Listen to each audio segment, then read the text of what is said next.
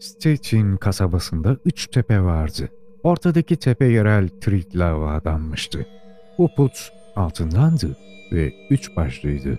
Gözleri ve dudakları altın bir peşeyle örtülmüştü. Pagan rahipler Triglav'ın üç başlı olduğunu ilan ettiler. Zira onun üç diyara hükmettiğini bildirmek istiyorlardı. Yani gökyüzü, yeryüzü ve yer altına.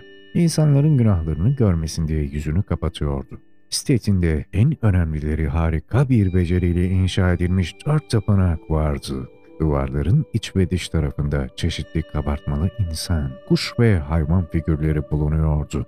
Bunlar o kadar iyi yapılmışlardı ki canlı ve nefes alıyor gibiydiler. Renkleri her zaman canlı ve kalıcıydı. Bunlara ne yağmur ne de kar zarar verebilirdi. Ataların geleneğine göre tüm ganimetin onda biri tapınağın hazinesinde depolanırdı. Ayrıca reisler tarafından bayramlarda kullanılan çok sayıda altın ve gümüş kapların yanı sıra hançerler, bıçaklar ve diğer nadir pahalı güzel nesneler vardı. Tanrıları onurlandırmak ve onlara saygı sunmak için bazıları içki kabı, bazıları da müzik aleti olarak işlev gören altın yaldızlı ve değerli taşlarla süslenmiş devasa vahşi boğa boynuzları orada tutuluyordu.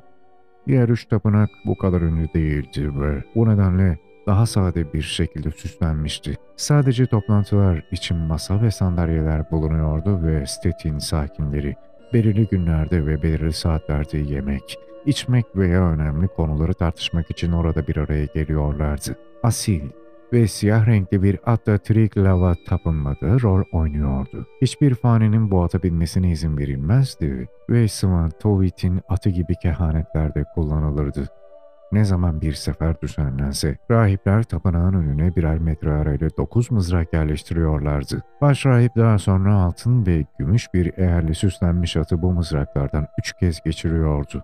Hiçbirine dokunmadan üzerinden atlarsa bu olumlu bir alamet olarak kabul ediyordu ve sefere çıkmaya karar veriliyordu. Bir başka Triglav putu Wolin kasabasında duruyordu. Bamberg piskoposu Otto putperest tapınakları yıkıp putları kırarken Slav rahiplerin bu heykeli gizlice alıp taşrada ıssız bir yerde yaşayan bir kadına verdikleri bildiriliyor. Kadın onu büyük bir ağacın oyuklarına saklar.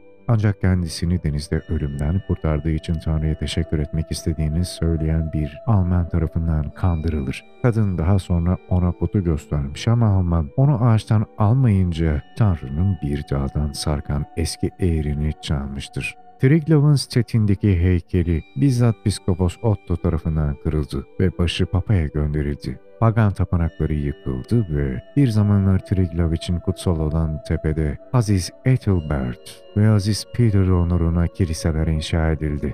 Brandenburg Slavları da Triglav'a tapıyordu 1154'te. O ülkenin prensi Privdislav vaftiz edildiğinde üç başta kutsal olmayan ve çirkin heykelinin parçalanmasını emretti. Wolin ve istediğinde tapılan tanrının gerçek adının Triglav olmadığı bu ismin yalnızca üç başlı putlardan birinin adı olduğu neredeyse kesindir. Bu tanrının kültü Svantovit'inkiyle çarpıcı bir benzerlik gösterdiğinden Triglav'ın Elbe Slavlarının büyük tanrısının yalnızca yerel bir biçimi olduğu varsayılabilir.